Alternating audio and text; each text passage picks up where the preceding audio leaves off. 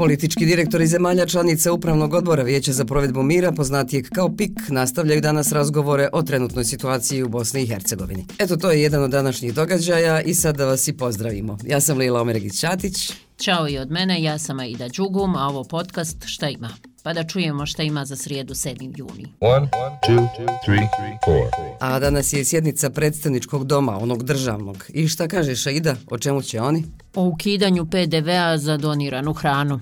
Bitan je taj zakon jer od volje parlamentaraca zavisi da li će na ovoj skupoći donirana hrana u vrijednosti od oko 130 miliona konvertibilnih maraka na godišnjem nivou biti uništena ili će dobiti oni koji nemaju šta da jedu. Inicijativa je došla od parlamentarca Saše Magazinovića koji za podcast Šta ima kaže. Danas kada tržni centar donira hranu javnoj kuhinji plaća 17% PDV-a na iznos te donacije. To znači ako donira hranu u vrijednosti 100.000, plaće 17.000, praktično kazne zato što donira hranu. Upravo taj porez je glavni razlog zašto se finansijski više isplati da se ta hrana baci nego da se donira. I upravo je to razlog zašto u Bosni i Hercegovini na godišnjem nivou se baci hrane u iznosu od oko 130 miliona maraka. Prevedeno na broj obroka, to je preko 700.000 obroka dnevno.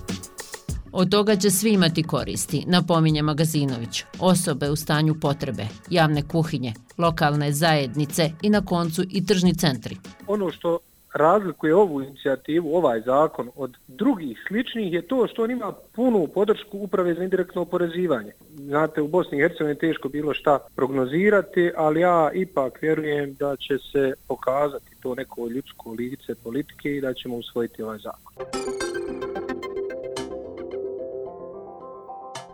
Evo još par najava čisto da ste informisani. Zenički rudari danas na mirnom protestnom okupljanju pred kapijom svog preduzeća. A ako se ne riješi problem, odnosno ne isplate plate i naknade za topli obrok za april, onda će sutra u Sarajevo na protest doći rudari svih sedam rudnika iz koncerna elektroprivrede BiH.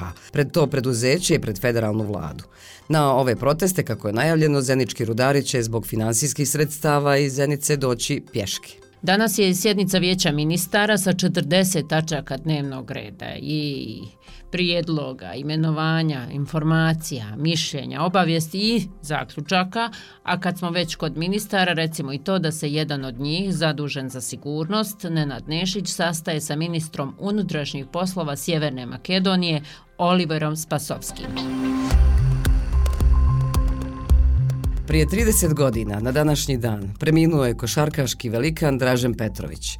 Šest puta najbolji igrač Evrope. Počeo je da igra kao 12-godišnjak u Šibenki, a bio je jedan od najtraženijih igrača sa ovih prostora.